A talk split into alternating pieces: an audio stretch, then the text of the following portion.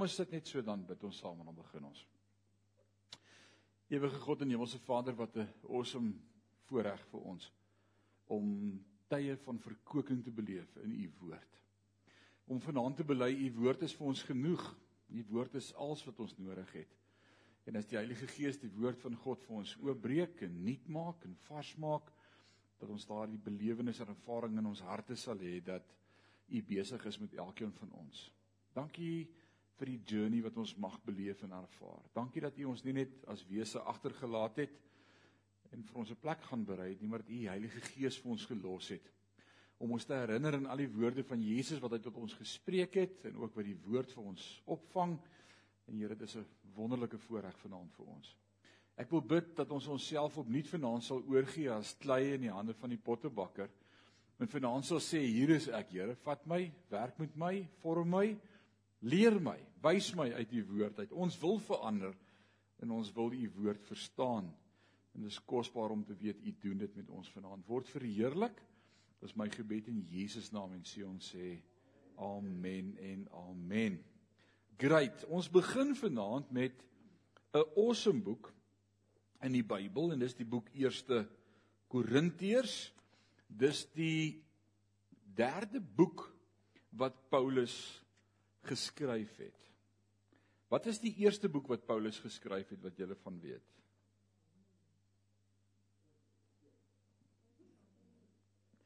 Sien, dis ek ou sê, wil nie woordskool toe kom nie, hy het nie lus vir toetse nie. vir vrae stel nie. Paulus het Rome geskryf en terwyl hy die brief Romeine geskryf het, het hy 10 teen 1 in Korinte gesit toe hy hierdie brief skryf aan die Romeine. En dan was daar 'n brief wat hy geskryf het aan Korinte wat weggeraak het. En ons gaan sien dat hy in hierdie eerste Korintiërs in ons Bybel is hy opgevat as eerste Korintiërs, maar dat hy verwys na die vorige brief wat ek met julle al gepraat het en ons het nie daai brief nie. En dan weet ons tussen 1 Korintiërs en 2 Korintiërs in my Bybel was daar weer 'n brief waarna hy in 2 Korintiërs verwys en goed aanhaal wat ons nie in 1 Korintiërs het nie, wat sê daar was nog 'n brief wat missing is. Met ander woorde, ons weet van 4 briewe wat hy aan die gemeente in Korinte geskryf het, maar ons het nie die tweede en die vierde brief. Sad. Mag die Heilige Gees hierdie vir ons oopmaak dat dit genoegsaam sal wees vir my en vir jou om te verstaan. So Interessant, 1 Korintiërs is eintlik 2 Korintiërs en 2 Korintiërs is eintlik 4 Korintiërs. Sommige net 'n tegniese punt. Te vanaand om die grondslag te lê vir die boek Korintiërs, gaan ons bietjie agtergrond skets. Ons gaan bietjie geskiedenis praat, ons gaan bietjie geografie praat dat jy 'n mooi verstaan kry van waar pas hierdie boek in vir wie hy geskryf, hoekom is hy geskryf, wat was hulle omgewing en kultuur en gebruike, sodat as ons dan Korintiërs behandel, dat jy gaan sê nou verstaan ek hoekom sê hy dit so. Alraai. So as jy vanaand die uitstap gaan jy van die stad Korinte redelik alles weet as jy kan onthou. Wat was die doel gewees van hierdie brief? Drie doele. In die eerste plek Sy eerste doel was om verskeie morele probleme te hanteer en die verdeeldheid wat gevorm het toe mense in aanhangsklap, hulle hulle self uh hulle het predikers gekies en versamel. Die een het gesê Apollos, die een het gesê nee Paulus, die ander het gesê Petrus, die ander een sê nee wat staf julle almal ek se volgeling van Christus en ons sien dit in 1 Korintiërs 1 vers 10 gaan ons dit sien. Hy slaan dit sommer die hok en hy sê dis nonsens. Die een soek hierdie pastoor en daai een sê ek's 'n fan van Benny Hinn en hierdie een sê nee wat ek soek Billy Graham en hierdie een sê nee ek soek Jimmy Swaggart. Hy sê jy's 'n volgeling van Christus. Ons werk almal saam in die koninkryk. Die tweede rede was om verskeie vrae te hanteer wat gevra is in 'n brief wat die Korintiërs aan hom geskryf het na aanleiding van sy eerste brief aan hulle het hulle kerkraad gaan sit en 'n klomp vrae vir hom geskryf en sê maar hier's goed wat ons nie verstaan nie. So in hierdie brief 1 Korintiërs antwoord hy van daai vrae wat hulle vir hom gevra het. So ons kry ook 'n idee van korrespondensie van die gemeente se kant af. Wat was hulle vrae waarmee hulle gestruggle het wat baie interessant is. Ons het dit van min nuwe Christelike gemeentes in die Nuwe Testament. En die derde doel wat reg deur die boek voorkom, is Paulus se verdediging van sy apostoliese gesag. Wat beteken dit om 'n apostel en 'n gesant van God te wees? Hy verdedig dit die hele boek deur. Nou kom ons praat bietjie oor die stad Korinte. Die stad Korinte was die hoofstad van die antieke Griekeland, soos wat ons dit vandag sal ken of sal weet waar Griekeland sit van uh Akaia. Uh dit was op daardie stadium 'n Romeinse provinsie onder Romeinse bewind onder die Romeine. Hulle hulle was die uh, hulle het beheer uitgeoefen net soos wat hulle oor Israel en en en oor Jerusalem uitgeoefen het net na Christus en in die tyd van Christus. Maar dit was omtrent 40 myl wes van Athene geleë op 'n smal landgedeeltetjie. Smal landgedeelte tussen hierdie twee oseane wat die Peloponnesos in die suide verbind met die noordelike vasteland van Griekeland. En in daai lang lang strook het hierdie Korinte of Korintekeers Korinte dan was daar geleë gewees. Korinte was geleë tussen die uh Egeïse en die Adriaanse See, baie interessant daar by Griekeland en was 'n hawe stad van ongeveer 5 myl in omtrek uh net suid van die skerp stygende 2000 voet kraanse. So wat sou gebeur het is is vir die vir die ouens op die bote uh die bootvaarders sou daardie gedeelte gekies het wat net om en by 10 myl lank was, die nouste. Daar was nog nie 'n kanaal gewees nie.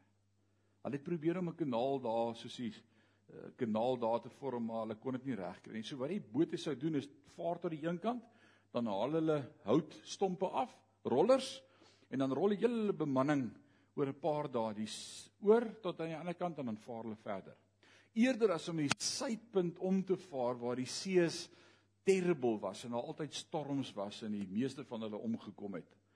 So dit was hierdie hawe stad se bekendheid. Die boot het nie net in die hawe geanker nie. Daar was 'n paar dae se proses om verby hierdie stad te beweeg op droë land, op droë grond wat dit 'n geskikte plek gemaak het vir 'n hawe stad. So hier's besigheid wat hier gebeur het. Nou baie interessant as ons kyk na hierdie hawe stad is die tempel van Afrodite. As ek die woord sê Afrodite, wat mm Afrodite. Daar jy kry mos seker eetgoedjies soos oesters en so wat hulle ook mos sê dis 'n alraai, maar die Romeinse of Venus was die Akrokorintiërs geleer in in in in hierdie tempel van hierdie Romeinse Venus god was daar 1000 priesteresse wat diens gedoen het in hierdie tempel. 1000 diakonesse, vroulike priesters of priesteresse. Ehm uh, en hulle het 'n interessante manier gehad van besigheid doen. Van bemarking doen om die werk van hierdie tempel uit te bou en finansiëel te ondersteun het hulle in die aande in die strate ingevaar en offerhandes gaan opneem by al die broers wat belustig was vir hulle mooiheid. Hulle was tempelprostituie. Dis wat hulle was. Hulle het die die God van liefde verteenwoordig en uh die broers omboesem en dan het die broers offerhandes ingegooi. Dit was 'n seksuele orgie stad gewees. So aan die stad Korinte bekend was. So dit was 'n terrible gebruik. Die kultuur in daardie tyd was vulgêr en pervers en seksueel immoreel en dit was die agtergrond van hierdie stad hierdie blootstelling wat hulle gehad het aan hierdie terrible begeerlikheidsdrywe wat gedryf is deur gierigheid wat op niks anders afkom as afgodery nie. En onthou, ek het vanmôre weer by die vroue bid hier dieselfde gesê en ons het sulke wonderlike tye woensdaagoggende by by ons Sela. Enige iets wat die belangrikste in my lewe is waarna toe ek eerste hardloop as ek 'n probleem het. Vir party ouens is dit die bottel. Vir party ouens is dit TV. Vir party ouens is dit Moet nou nie sê wat dink jy nie want dan gaan jy nou jou weggee, maar so ek moet nou maar net 'n paar goed ter voorbeeld hier Maar, maar jy weet waarvan ek praat. Daai eerste ding waar jy in jou hart loop as dinge te veel raak. As jy sê, "Oek, dit was 'n terrible dag geweest. Daar net bietjie sit, gee my net 'n beker koffie." Selfs dit raak 'n afgod as dit 'n belangriker plek in my lewe het as om eers na God toe te gaan. Dis 'n afgod. En ek moet dit so ernstig vir jou stel sodat ek ons ons met ons harte ondersoek en deursoek en, en die heeltyd vir myself Dawid bid dit so mooi hy sê deur grond my o Heer en, en ken my hart en my gedagtes en kyk of daar by my 'n weg is van smart. Ek moet die heeltyd my hart ondersoek. Die woord sê 'n mens se hart is die bedrieglikste van alle dinge. Selfs dit wat ek in my hart dink, sjoe, nee, ek wil net bietjie die woord sê nee, jy dink verkeerd in jou hart, jy bedrieg jouself, jy lieg. So die vraag dan is is wat is daai eerste ding waarna toe ek hardloop as dinge te veel rond want dis dis as dit nie God is nie, is dit 'n afgod. En en hierdie seksuele misdrywe wat in hierdie stad plaasgevind het was niks anders as afgodedienste. Dit het die seksuele drange dit was 'n afgod seksuele misdrywe kan 'n afgod word in jou lewe. In aanbidding by die tempel van seksuele ontmoeting met hierdie priesteresse behels dat daar ook aanbidders reg oor die Romeinse wêreld gelok word na hierdie manier van kerkhou. Imagine, dit was 'n revival. Daar was eh, daar was 'n 'n ontploffing reg oor die Romeinse wêreld van hierdie unieke stad. Jy moet bietjie daar draai gaan maak. Ek weet toe ons tieners was en ons beplan ons Europese toer saam met die Oos-Transvaalse jeugkoor uh en ons hoor ons gaan onder andere in Holland verbygaan op ons toer toe sê van die ouer seuns ek hoor hulle praat en hulle sê ons moet by Walletjiestraat 'n draai gemaak. Dis die plek. As jy al ooit van Walletjiestraat gehoor het, sal jy weet wat daar gebeur. Maar dit was amper so iets. Wanneer die tannie somme in die venster sit agter gordyne en hulle self bemark. Terrible, terrible. En dit selfs opgeteken dat die sandale van hierdie berugte priesteresse van Afrodide besaai was met die afdruk aan die onderkant op hulle skoene wat as hulle deur die grond of deur die stof sou loop, het daardie woorde gestaan: "Volg my." Dis wat die geskiedskrywers vir ons vertel van hierdie duisend priesteresse volg my. As ek vanaand die woorde sal sê volg my, waaraan dink jy? Die woorde van Jesus wat sê volg my. sien jy kom afgodery klink so nice, dit klink so nice, dit klink amper soos die woorde wat Jesus gebruik het toe hy op aarde was, maar die duiwel kry reg om ouens weg te sleep eintlik van God af. Volg my. Sou in die stof uitgespel gewees het. En wat 'n kontras met Jesus se oproep in Matteus 4 vers 19 as hy sê volg my. Mense kan nie anders as om te dink aan soortgelyke verleidelike prente wat op die internet gevind word, selfs op oënskynlike onskuldige webwerwe soos nuusblaaie deesdae pop allerlei figure op. Terrible. Jy weet waarvan ek praat. Onskuldige webwerf wat jy oopmaak, selfs 'n nuus blad wat jy oopmaak en ewe skielik pop hier dinge. Ek en Jacques het so jaar of 2 terug hier in die kerk aan die einste rekenaar ge, ge, gewerk wat daai skerm vir ons drywe en ons sukkel met drywers. Nou die ouens wat bietjie iets van IT verstaan, iets van drywers, jy moet die regte hardeware drywers kry en ons kry dit nêrens in die hande nie. En nader aan sê hy ouma, ek dink Jesus site waar ons die drywers kan kry. Ons kry toe die verkeerde drywers. Die pastoor het amper 'n hartaanval gekry. Want so vinnig as wat jy met die muis klik poppie tannies op een vir een op die skerm. Dit is verskriklik. Dis in jou face. Jy jy weet waarvan ek praat as jy ooit op 'n rekenaar al was. En dieselfde weerstand wat daardie Korinte moes bied teen hierdie in your face bemarking van hierdie duisend tannies beleef ons vandag nog in ons dag elke dag. So hierdie boek Korintiërs is ongelooflik relevant tot dit en dit wat ek en jy ook belewe elke dag. Die die weerstand wat hulle moes bied die woord sê so mooi. Hy sê julle het nog nie ten bloede weerstand gebied teen die aanslag van die vyand nie. Jy het nog nie beklei vir jou saligheid dat die bloed loop om weerstand te bied teen die duiwel nie. Ons gee so maklik in. Sê ag ek ek word so maklik verlei. Ag die Here weet ek is maar swak op daai gebied. Nee, nee nee, ons ons is ons is geroep om anders te wees en dis waaroor hierdie boek gaan om ons te challenge ook in ons dag. So ek's baie opgewonde met die boek Korintiërs. Soos dit blyk uit Paulus se vermaanings en waarskuwings in sy eerste brief.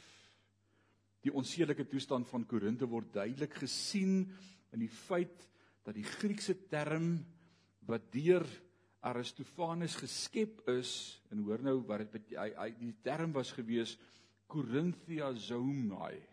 Corinthia zoomai. Dis amper soos 'n Korintiese zombie. 'n toestand van besetenheid. Jy's nie in beheer van jouself meer nie. As 'n Korint letterlik om die Korintiërs manier op te tree het gekom en dit beteken letterlik om hoerery openlik te beoefen. Ja, dit is terrible. En ek skets vir jou hierdie agtergrond dat jy weet as Paulus dan praat met hierdie ouens waar hulle was, wat hulle omgewing is, waarteen hulle moes weerstand bied en as Paulus dan met hulle praat, dan praat hy ook vanaand met ons. Dis bietjie anders in ons dag. En ons is bietjie meer gesofistikeerd en privaat en is nie so in jou face nie, maar die Here weet dit is stil in jou face. Dis in your face. 'n Lyfvrou het geskryf ek het tog nie in Korinte ingegaan nie. Want ek het 'n kort tydjie geleer van die smeerigheid van die rykes daar en die ellende van die armes. Dis 'n geskiedskrywer van die tyd en hy maak hierdie opmerking dat ek liewers nie in Korinte wou ingaan nie want dit is 'n smeerige spil. Dit is die stad Korinte gewees. Skepe het die gevaarlikste reis om die suidpunt van Griekeland probeer vermy en dan het hulle nou hierdie tog hier oor land het hulle aangepak. In elke winkel in die stad het 'n diep lengte gevoede put gehad om houers wyn af te koel. Vandag nog met opgrawings wat argeologies daar gedoen word, het elke besigheid so trog gehad waar die koue water deurgevloei het om hulle wyn koud te hou. It was a drunken business. Dit was 'n gesype stad. Permanent dronk. Dit was selfs gebruiklik in verhoogstukke dat akteurs dronk op die verhoog sou kom. In die prentjie hieronder wat ek vir jou nou hier gaan wys, let op die uh, agora wat die stad se markplein was en die bema wat die regterstoel was. Korinte het 'n uitgebreide handel gehad soos al die groot dorpe aan die Middellandse See en het gevier vir sy rykdom, pragt en geleerdheid. Korinte se pottebakkery, koper en marmer vir die bou van kolomme was reg oor die wêreld bekend. Die stad is nou verlate met 'n klein dorpie naby die antieke Korinte. Daar's egter 'n moderne stad Korinte 'n paar kilometer verder met ongeveer 20000 inwoners. Argeoloë het ook 'n gebreekte uh, laty of 'n deel van 'n deur ontdek met die Griekse beskrywing sinagoge van die Hebreërs. So teen 1 die kerk van hierdie gemeente in Korinthe se deur wat die argeoloë ontdek het. Nou Paulus het vir 18 maande in Korinthe in omtrent 53 na Christus gepreek. En ons leer dit uit Handelinge 18 vers 11 uit dat Paulus vir daardie 18 maande, jaar en 'n half vir die eerste keer dan in Korinte was. Hy het aan die Korinte 'n kort tweede besoek afgelê gedurende die tydperk van tussen 54 en 57 na Christus wat nie spesifiek in Handelinge genoem word nie, maar geïmpliseer word in 1 Korintiërs 16 vers 7 en 2 Korintiërs 12 vers 14, asook 13 vers 1 waar hy praat van 'n voorgenome derde reis na Korinte wat saamval in Handelinge 20 vers 2. Hy het 3 wintermaande in Korinte deurgebring in 57 en 58 na Christus waar tydens hy die brief aan die Romeine geskryf het. En as ons dan nou na Romeine gekyk het en gedink het oor die boek Romeine, toe ons Romeine gedoen het, dan sal jy van baie van daai goed, veral in Romeine 1, as hy praat oor die mans met mans en hoe hulle oorgegee is aan hulle sondige begeertes. Hy sit in Korinte en hy kyk by die venster uit en hy's besig om vir die Romeine te skryf en te sê as jy nie God God draai nie, dan is dit hoe jou lewe gaan lyk. Sjoe. Dis wat in hierdie stad aangaan. Gee 'n bietjie verstaan van sy skryf dan ook aan die gemeente in Rome.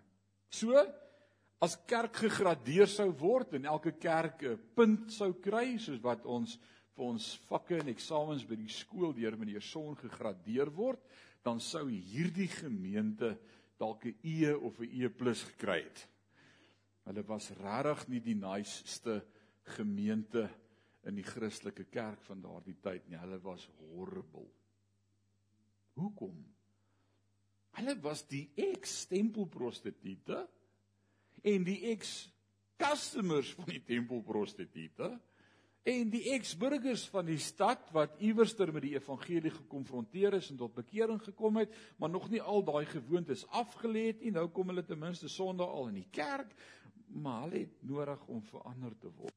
Dis waaroor hierdie boek aan hulle geskryf word. Alhoewel die gemeente dalk 'n E of 'n E+ gegee word, word hierdie brief wat Paulus vir hulle skryf 'n A+ gegee. Ek wonder hoe my preek as pastoor aan hierdie gemeente sou wees. Ek wonder wat sou ek vir hulle sê? Ek wonder of ek die moeite sou doen om eers met hulle te praat. Maar Paulus se teologie wat hy met hulle deel, fenomenaal. So ons kan elkeen hier uitleer. Paulus se eerste brief aan die Korintiërs uh het ons nie hy het weggeraak. So hier is die tweede brief en hierdie tweede brief kan in twee dele verdeel word, naamlik hoofstuk 1 tot 6 en dan hoofstuk 7 tot 16. Die eerste 6 hoofstukke handel oor die bekommernisse wat Paulus oor hulle gehad het. Hy sê vir hulle waaroor worry jy en en wat wat gaan aan nie by julle? Wat sy bekommernisse? En dan hoofstuk 7 tot 16 handel oor die antwoorde wat Paulus vir hulle gee. So twee hoofstukke, twee twee dele van hierdie boek. Baie interessant as ons dit so gaan sien.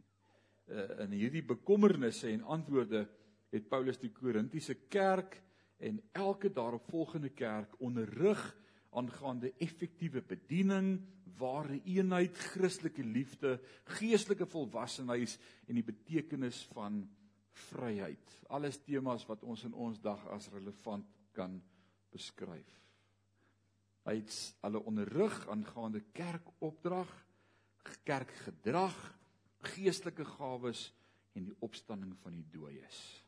Hy het aan hulle geskryf oor die probleem van verdeeldheid en die definisie van liefde. En alhoewel die brief bekend is vir sy 13 hoofstuk, sy 13de hoofstuk van 1 Korintiërs is seker die bekendste een waaroor gaan 1 Korintiërs 13 die liefde. Interessant dat hy 'n hele hoofstuk wy daaraan om juis vir hulle te vertel wat is liefde regtig. Nie hierdie goedkoop porneo waarmee hulle hulle besig hou in die stad nie, dis afgodediens. Kom ek vertel julle van die een wat liefde is. God is liefde. En sy liefde lyk like anders as hierdie liefde. So nou kry jy ou verstaan daarvan. So kom ons begin uiteindelik dan by vers 1 vanaand en ek dink nie ons gaan verder as vers 3 kan gaan nie, maar kom ons kyk. Uh sorry vir jou, woordskool vat tyd. Daar's nie 'n ding van ons doen 3 hoofstukke aan nie, dis net onmoontlik. En daarom is dit belangrik om elke dag in die woord te bly, in die woord te wees, in die woord te leef, want dis wanneer die woord my en jou verander. So Paulus En Sostenes skryf aan die gemeente in Korinte en stuur 'n seëngroet. Nou hierdie brief kom van Paulus. Nou dis vers 1. Hierdie brief kom van Paulus deur die wil van God is ek geroep om 'n apostel van Christus Jesus te wees. Nou baie interessant as ons gaan kyk na die oorspronklike teks en is baie belangrik ook as ons die Bybel lees en onthou ek leer dit vir julle as julle besig is met die Bybel om altyd meer as een vertaling voor jou oop te hê as jy die Bybel lees. 1 Korintiërs, 1 Korintiërs, 1 Korintiërs, 1 Korintiërs. Wat sê hierdie een? Wat sê hierdie een? Wat sê hierdie een? Wat sê hierdie een? Dit wat dieselfde is in al vier is die belangrike wat daar moet wees. Dit wat verskil is waar Bybelvertalers dit anders interpreteer. Alraai. So as jy nie die oorspronklike teks het, Grieks of Hebreëus nie, Nuwe Testament Grieks en jy kan die Grieks sien wat moet dit sê nie, trust net dit wat dieselfde is in al vier hoofstukke. Nou baie interessant as ons kyk na hierdie eerste versie, dan is die woorde te wees. Kom ons lees weer vers 1. Hierdie brief kom van Paulus, deur die wil van God is ek geroep om 'n apostel van Jesus Christus te wees. Daai te wees woorde is in kursief geskryf. Met ander woorde, dis nie in die oorspronklike teks nie. So hy het nie gesê ek probeer om 'n apostel van Jesus te wees nie of ek is geroep om een te wees, maar ek is dit nog nie. Dit staan nie daar nie. So soos gewoonlik in die geval toe die vertalers hulle byvoeg om om om te probeer verduidelik, het hulle dit eintlik vertroebel en vertraag. Hierdie vers behoort eintlik te lees Paulus genoem 'n apostel van Jesus Christus. Dis wie hy is. Hy traai dit nie wees nie en dis nie iets waarna hy streef nie. Hy is dit. En dis belangrik om dit te verstaan. Deur die wil van God is ek 'n apostel.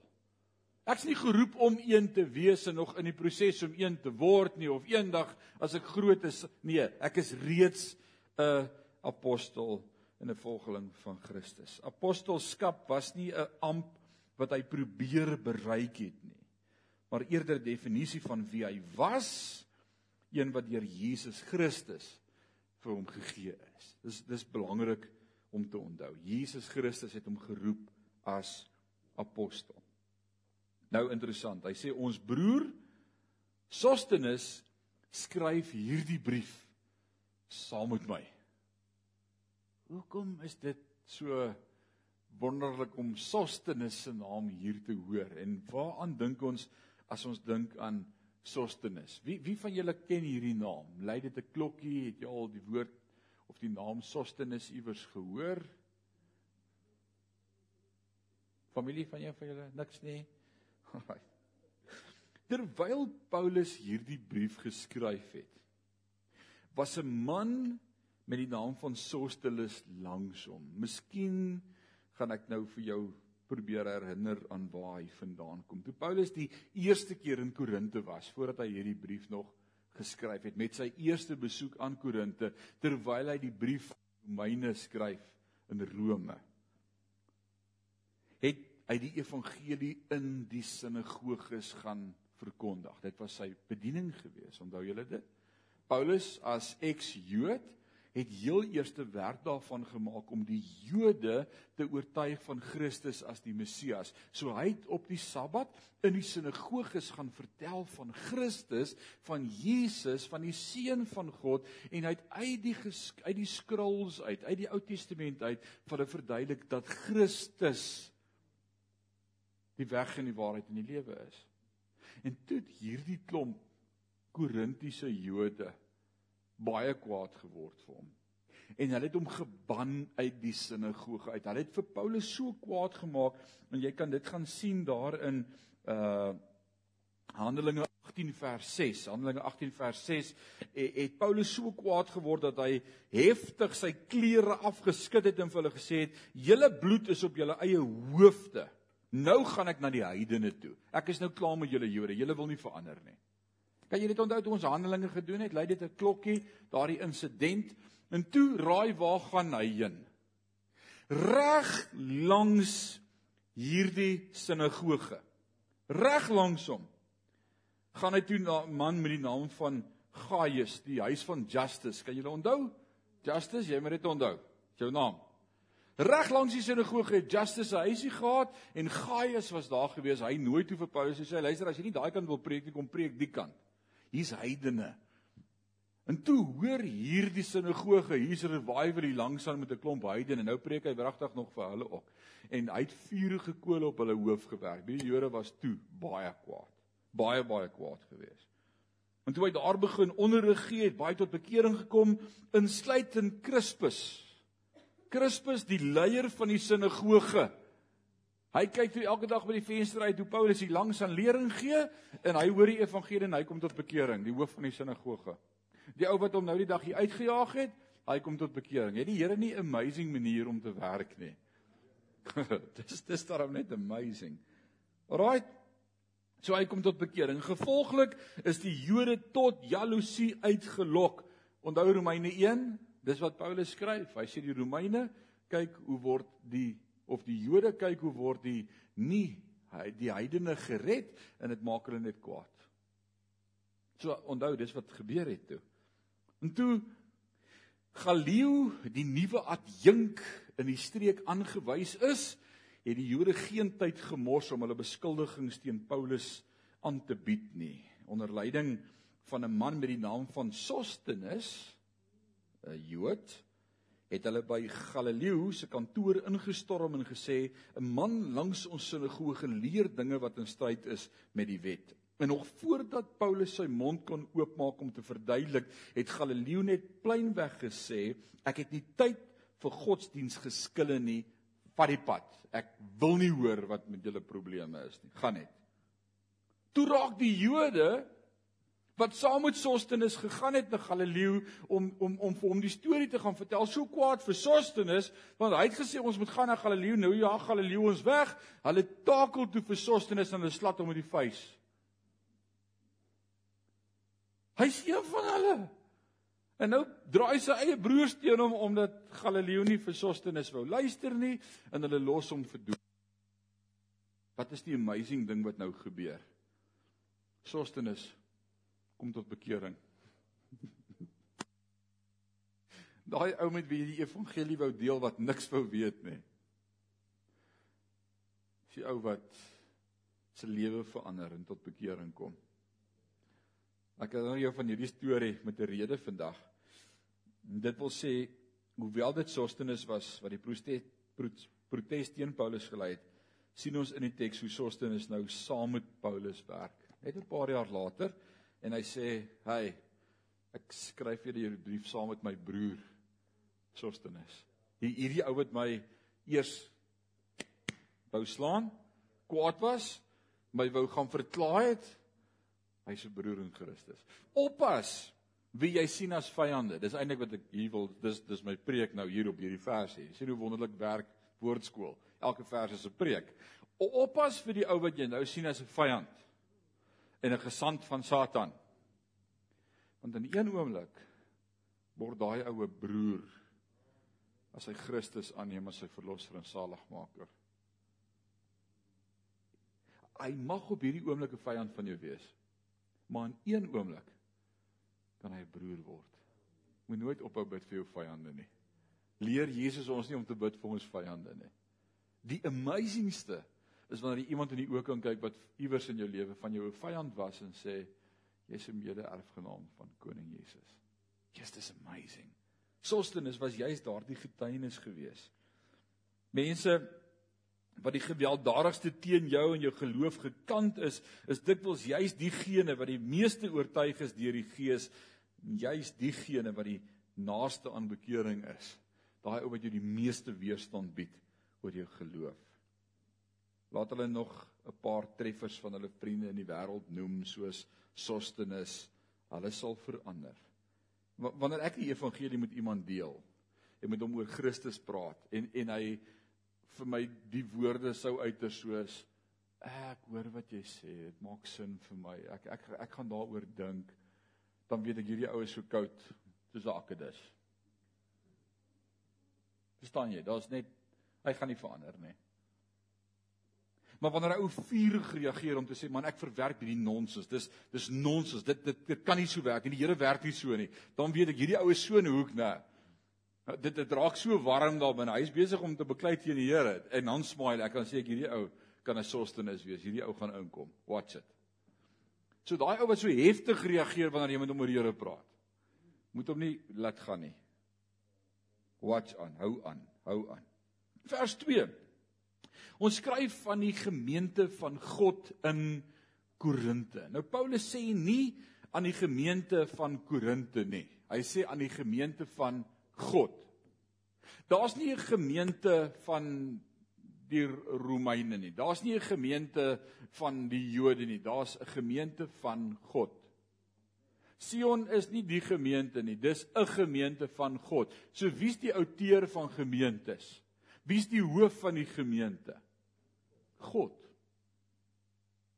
Hy sê dit so mooi as Paulus vir ons leer in Efesiërs, is dit Efesiërs 5, as hy sê soos wat God die hoof is van die gemeente, Jesus die hoof is van die gemeente, so is die man ook die hoof van die vrou. Ek wil nie vanaand oor die huwelik praat nie, maar daar's 'n hiërargie.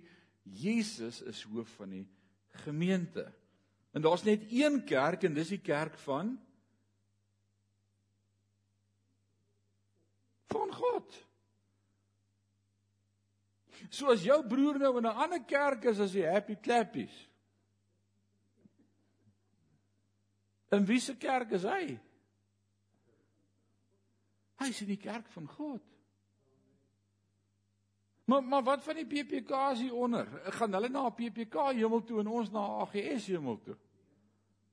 Nou wys. Ons is deel van een gemeente en dis die gemeente van God. En dis hoekom vir my so hartseer is as gemeentes teen mekaar beklei en praat en van mekaar praat en skinder, want ons is ons is een liggaam. Ons is een liggaam. Ons verskil jy hou van afval en ek soek steak en dis oukei. Okay. En, en ons eet anders en ons sing bietjie anders en ons doen dinge bietjie anders. Ons is bid tot een God en ons is lief vir hom. En ons gaan na een hemel toe en ons dien een Here en daar is een doop en daar is een opstanding en daar was een kruis. Ons is nie in verskillende hemels nie. Right? En en baie keer sê ouens, "Joggs, maar moet almal nie in een kerk wees nie. Moet ons nie weer al die kerke bymekaar kry om een kerk te ek dink nie dis wat die Here in gedagte gehad het nie." Ek dink die Here wil almal in een kerk sien, nie. Hy sien ons as een een kerk. Elke onderlinge byeenkomste saam maak deel uit van die liggaam van Christus. Wees net deel van 'n liggaam. Jy kan nie op jou eie deel wees van 'n liggaam nie. Ek dink dis die belangrike deel. Jy sien Korinte was net 4 myl van die Egeïse See af. En om te vermy dat die suidpunt van Griekelik waar dit so gevaarlik was, die matrose wou nie daar vaar nie en dan het hulle nou op rollers het hulle hulle hulle skepe hier oorgestoot. Ek het dit vir julle verduidelik. In gevolglik het Korinte 'n baie welvarende hawe geword. En dit was die dit was so goddeloos as wat dit voorspoedig was. En elke aand is duisende tempelprostituie van Afrodite, die liefdesgodin, uitgestuur die hele stad vol om aanbidders te gaan werf vir die tempel en gevolglik die tempelkoffers op te vul. So dit is die agtergrond, ek het dit vir julle gesê. En dus was daar geen verrassing dat dit van Korinte was dat Paulus in sy eerste brief aan die gemeente in Rome geskryf het as hy sê van die afvalligheid wat daar was. En nou sê hy hele vir wie God deur Christus Jesus vir homself afgesonder het onthou met wie hy praat. Hy praat met hierdie ex-terrible ouens wat in allerlei orgies betrokke was en hierdie stad betrokke is en hierdie stad is. En hy sê hele vir wie God deur Christus Jesus vir homself afgesonder en geroep het. Hier kom iets met die mindset. Hy probeer vir hulle sê wat jy dink wie jy is in God se oë is belangrik. Moenie aan jouself dink as net iemand wat in die stad bly, wat nou maar in daai geskiedenis was en in daai verlede was nie. Hy hy, hy sê letterlik beteken dit geheilig of afgesonder, eenkant gesit. Julle is uit daai omstandighede uitgeruk soos 'n brandende hout en God het julle eenkant gesit om anders te wees. Ek ek kan dink dat hy by die venster uitkyk in Korinte terwyl hy skryf die brief aan die gemeente in Rome en dan skryf hy vir hulle in Romeine 12 vers 1 en 2 hy sê terwyl hy so by die venster uitkyk in Korinte sê hy Ja dis julle redelike godsdienst dat julle julle julle liggame gee as lewende heilige en aan God welgevallige offers. Dis julle redelike godsdienst. Word nie aan hierdie wêreld gelykvormig nie maar word vernuwe deur julle gedagtes Here kyk wat gaan aan in hierdie dorp Korinte sien ons begin iets nou verstaan van die ritme van die teks want want skielik sien ons wat hy skryf vir die Korintiërs maar ons ons onthou wat hy geskryf het vir die ouens in Rome terwyl hy gesit het in hierdie goed echo dieselfde gedagtes. Wat sê hy hier vir hulle? Hy sê vir wie julle deur God hulle vir wie julle vir wie deur God, God deur Jesus Christus vir homself afgesonder en geroep het. Julle is deur God afgesonder, julle is eenkant gesit. So waar begin dit? Dink anders oor jouself. Jy is nie maar net toevallig in hierdie kerk nie. Jy is deur God geroep uit die wêreld uitgeroep. Hy het jou lief gekry en jou geroep van waar jy was, kry net 'n nuwe manier van dink. Jy's nie dieselfde Wow.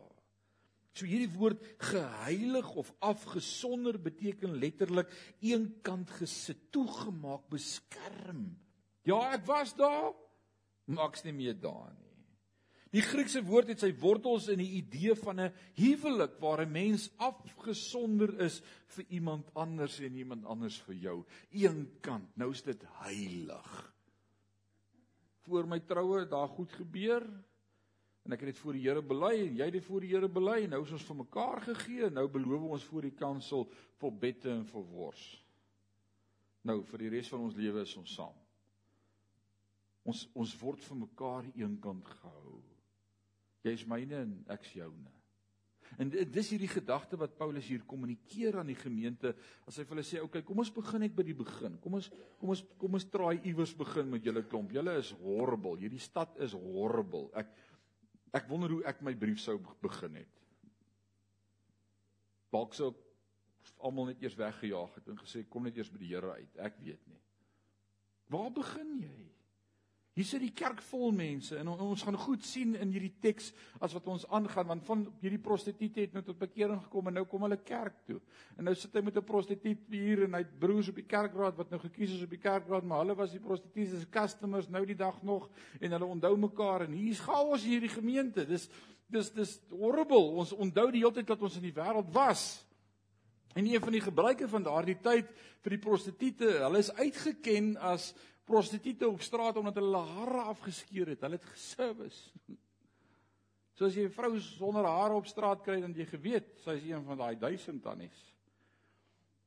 OK. So nou kom hulle kerk toe sonder hulle hare, nou sit hulle Sondag hier en hulle het nie hare op nie en almal weet, sy is een van hulle gewees. En dan sê hy nee broers, OK, laat ons net 'n paar reëls maak. Al die vrouens as hulle kerk toe kom, sit net 'n hoofbedeksel op. Sit 'n hoed op jou kop dat ons nie meer kan onderskei tref tussen wie was wat en waar was jy en wie waar het jy gewerk nie. Voor God is ons dieselfde. Sit 'n hoed op jou kop uit eerbied vir jou man. Uh dis onder die bloed is in die verlede. Daar's kerke wat nou nog hoede dra. Hulle weet nie hoekom nie. O, ons gaan hulle help. Hierdie teks gaan hulle help. Haal af jou hoed dan nie. Ons is nie meer daar nie, maar Alraai. So ons ons gaan die teks verstaan. Dis belangrik. Alraai. Dis wat die teks belangrik maak as ons die teks verstaan, want want nou verstaan ek dat Paulus met hierdie klomp mengel moes net sit en sê, "Oké, okay, hande in die hare, kom ons begin net iewers. Vrouens almal hoede op asseblief. Jy kan nie besigheid hier kom doen op 'n Sondag nie. Almal hoede op."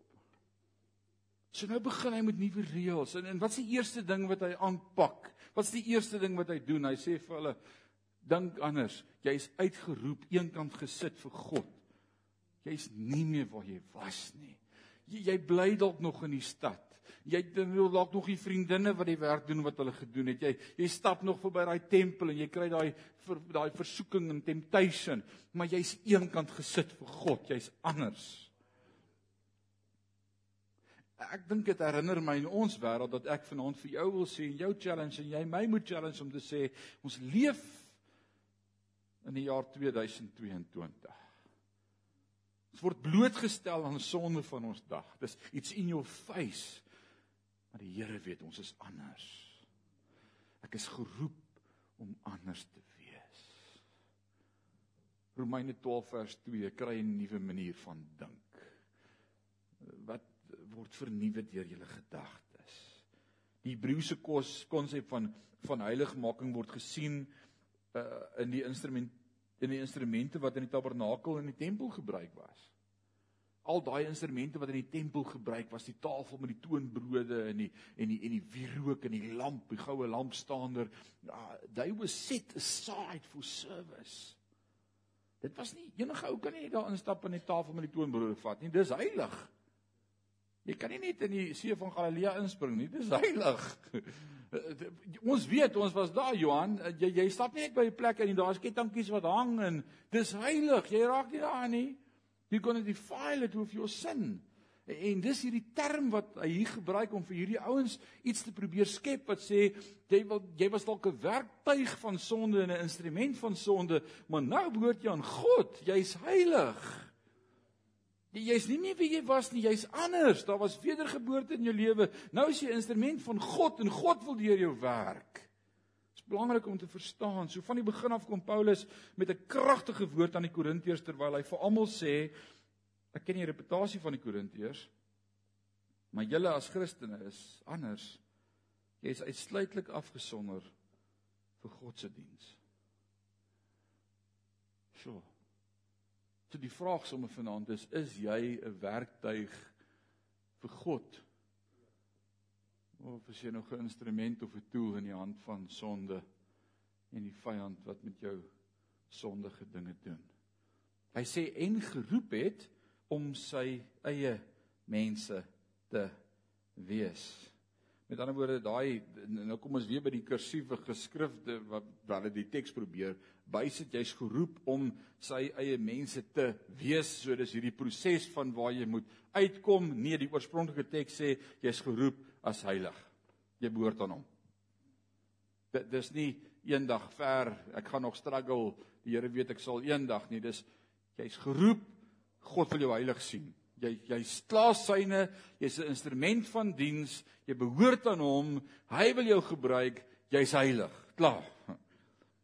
So so die so die woord om te wees moet eintlik nie in die teks wees nie en daarom vir 'n meer korrekte weergawe van hierdie frase skrap ons die woorde om te wees uh, en ons sê ons werk nie om heilig te wees nie. God het dit klaar gedoen. Ons werk nie om heilig te wees nie. Dit is nie 'n eer wat aan 'n heilige paar gegee word. Ooh, Johan het nou uiteindelik daar uitgekom. Johan, jy is nou heilig, né? Hoe lank het dit jou gevat, né? Nee, dis dis iets wat God doen. Kobus, as dit vir my en jou afhang het om heilig te word, né? Ons het nie reg gekry nie. Ons het nie. Maar, maar God het my geheilig. Johannes se werk wat hy in ons begin het. En die woord sê hy sal dit volëindig. Nee, nie elkeen van ons wat wedergebore is, is heilig. Sommige net op daai punt, hoe dink jy oor jouself? Dink jy aan jouself as heilig? As as jy oor jouself dink, ko wie dink jy aan jouself as heilig? Ons doen nie, né? Ons doen as onsself en en selfs as ons onsself nog kan kry as ons bid, dan sal ons dalk iets bid soos ag Here, ek is 'n sondaar gered deur genade. O my genade, jy's lankal nie meer 'n sondaar nie. Jy's God se kind. Jy's geheiligheid vir jou gesterf van die kruis. Die werk van die kruis was volbring. Hy het gesê te lesdaai. Dit was aanneemlik vir God. Dit het, het reeds gebeur. Heiligmaking het reeds plaasgevind. Jy is geheilig. So waar kom die probleem in? By hoe ek dink oor myself. Want as ek aan myself dink as 'n arme en eenvoudige sondaar wat maar struggle, jy ken daarom vir ons, jy weet, ons sukkel mos maar daarmee, dan is dit oukei okay om sonde te doen, maar wanneer ek oor myself begin bely wat God se woord sê, en dis waar die woordjie vandaan kom, homo logio. Ons almal verstaan wat beteken die woord homo. Homo beteken dieselfde as soos wat die woordjie sê homosexual dan beteken the same as sexuality. Ons nou homo dieselfde as logos logio God se woord. So homo logio sê ek sê wat God se woord sê. Ek praat dieselfde as sy woord. Sy woord sê ek is geheilig so ek sien myself as geheilig. Sy woord sê ek is die appel van sy oog So ek sien myself as die appel van sy oog. Sy woord sê hy's met my al die dae van my lewe. So ek glo hy's met my al die dae van my lewe. Ek sê wat die woord sê. Paulus begin deur vir hierdie gemeente te sê, Kom ons begin net om reg te verstaan wat God eintlik met julle gedoen het. Hy het julle uit sonde uitgehaal, eenkant gesit soos 'n bruid en 'n bruidegom vir mekaar, soos daardie instrumente van die tabernakel, eenkant geroep om anders te wees. Jy's dalk nog in die wêreld, maar jy's nie meer van die wêreld nie. Jy's gebore uit 'n goddelike natuur. Maar hou op om aan jouself te dink as die ex-kalkop tannie wat in die dorp was. Sit 'n hoed op jou kop. Jy's geheilig. Jy behoort aan God. And it's amazing. Wie wie dink jy is jy wat vanaand hier ingekom het en gesê het ek gaan 'n bietjie woordskool toe kom? Wat, wat wat sê God wie jy? Hy sê as jy jou hart en lewe vir my oopgemaak het en verklaar dat ek die seun van God is. 1 Johannes 1 vers 5. 1 Johannes 5 vers 1. Hy sê net elkeen wat met sy mond bely dat Jesus die seun van God is, is uit God gebore. As jy uit God gebore is, is jy gebore met onverganklike saad. Daar's nie 'n einde nie. Jesus sê jy sal lewe al het jy ook gesterwe jy behoort aan my. Die probleem, ons probleem is ons dink ons is van die wêreld. En as al my pelle wat Jesus nie in hulle lewe het nie, 'n ding doen, dan dink ek dis oukei okay as ek dit ook doen want almal doen dit. Ek sal vanaand net weer bid en sorry sê. Nee, God het jou geroep om anders te wees. Hy het jou geroep om eenkant te wees. Dis nie meer oukei okay om die dinge te doen wat ek gedoen het voordat God in my lewe was nie. Ek is anders. Ek praat anders. Ek ek dink anders. Ek bid anders. Ek loop anders. My optrede is anders. Broer, as jy vanaand bely en sê ek dien al 30 jaar die Here en jy doen nog steeds dieselfde goed as 30 jaar terug, dan sit ek 'n groot vraagteken agter jou verhouding met die Here. Ek weet in my lewe het alles verander toe God op die prentjie kom. Alles. Alles. My verhoudings, my manier van praat, my dink, my optrede, my werk, alles het verander. Party dalk kyk ek in die spieël soos 'n raaisel en ek sê Here, ek weet nie wie is hierdie ou nie. Ek weet nie wie is hierdie ou nie. Ek weet wie ek was. Ek was taaf, ek was hard, ek het uit die army uitgekom. Maar was nie geld vir brandewyn en coke nie. Ons het brandewyn en ouros gedrink. Was 'n man ek kon nie huil nie. En God het iets in my kom doen. Ek kan nie oor Here praat sonder om te huil nie. Ek ken hierdie ou nie.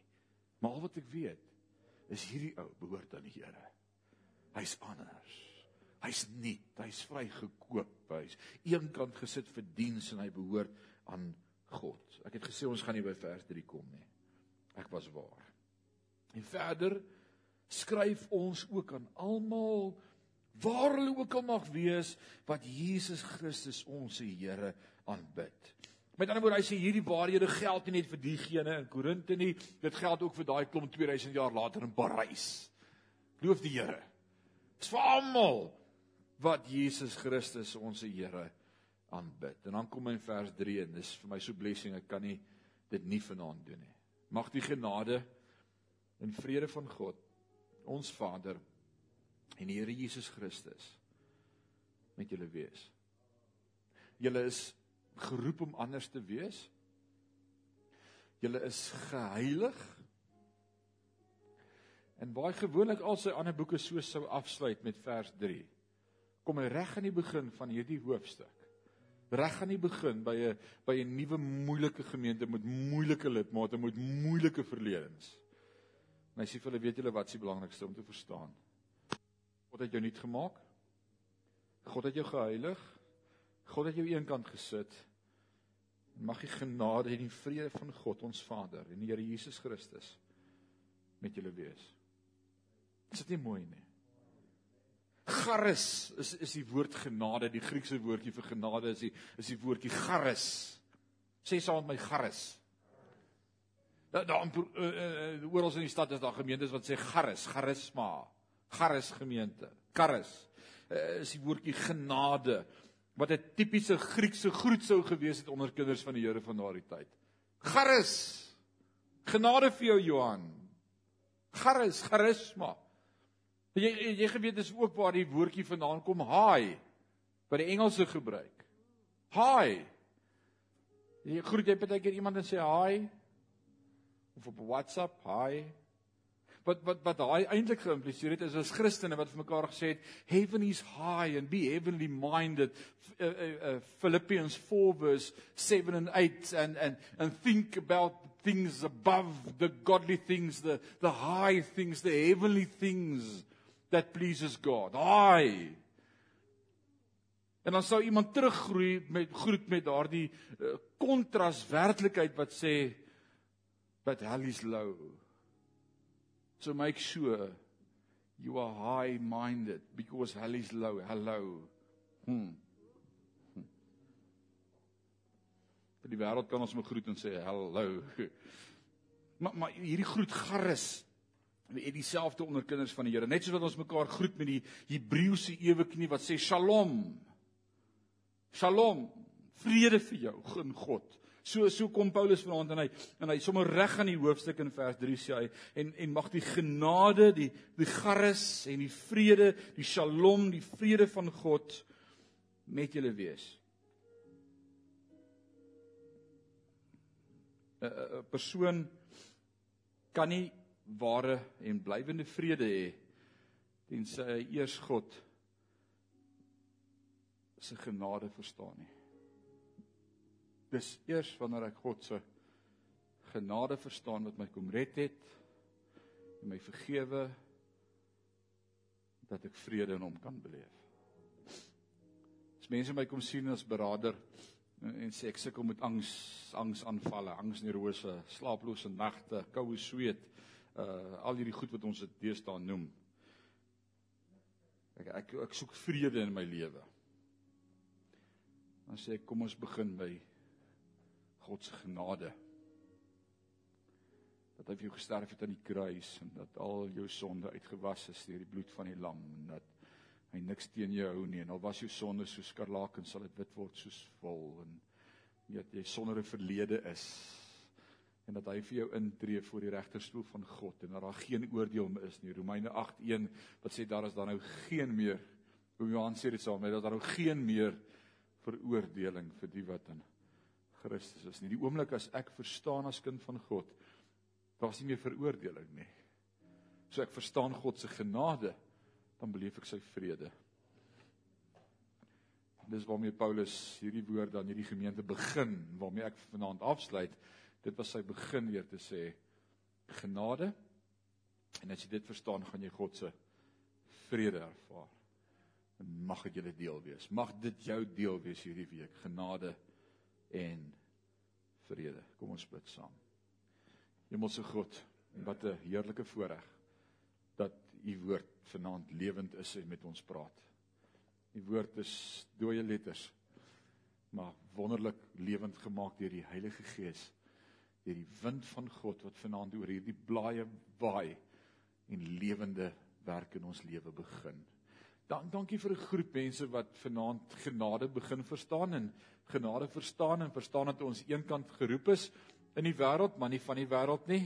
Uh tussen die wêreld, maar nie een van die wêreld nie. Ons is geroep om anders te wees, 'n meubelstuk of 'n bruikstuk, 'n artikel in die koninkryk dat U ons kan gebruik as werktuie uh, vir die ewige lewe om ook die wêreld te wys hoe lyk 'n verhouding met Christus. Help ons dat ons nie sal gelykvormig geword aan hierdie wêreld nie, maar vernuwe sal word deur ons denke, deur anders te begin dink. Dankie vanaand vir genade. En dankie dat as ons genade verstaan, vir u vrede. O, oh, vrede wat elke verstand te bowe gaan. Ons eer U daarvoor. U woord sê in Filippense 4, dit sal julle harte en sinne bewaar in Christus. Die vrede wat alle verstande te bowe gaan. Ons eer U daarvoor. Word verheerlik deur ons. Dankie dat ons vanaand mag bely. Ons het U koms lief. Ons kyk met 'n verwagting uit vir wanneer U ons kom haal en tot dan wil ons gereed wees en gereed bly en besig wees met U werk in U koninkryk. Ons eer U daarvoor. Hou ons vas in die holte van die hand. Dat ons elke oomblik bewus sal wees van die grootheid en die nabyheid. Is ons gebed in Jesus naam en sê ons sê amen en amen.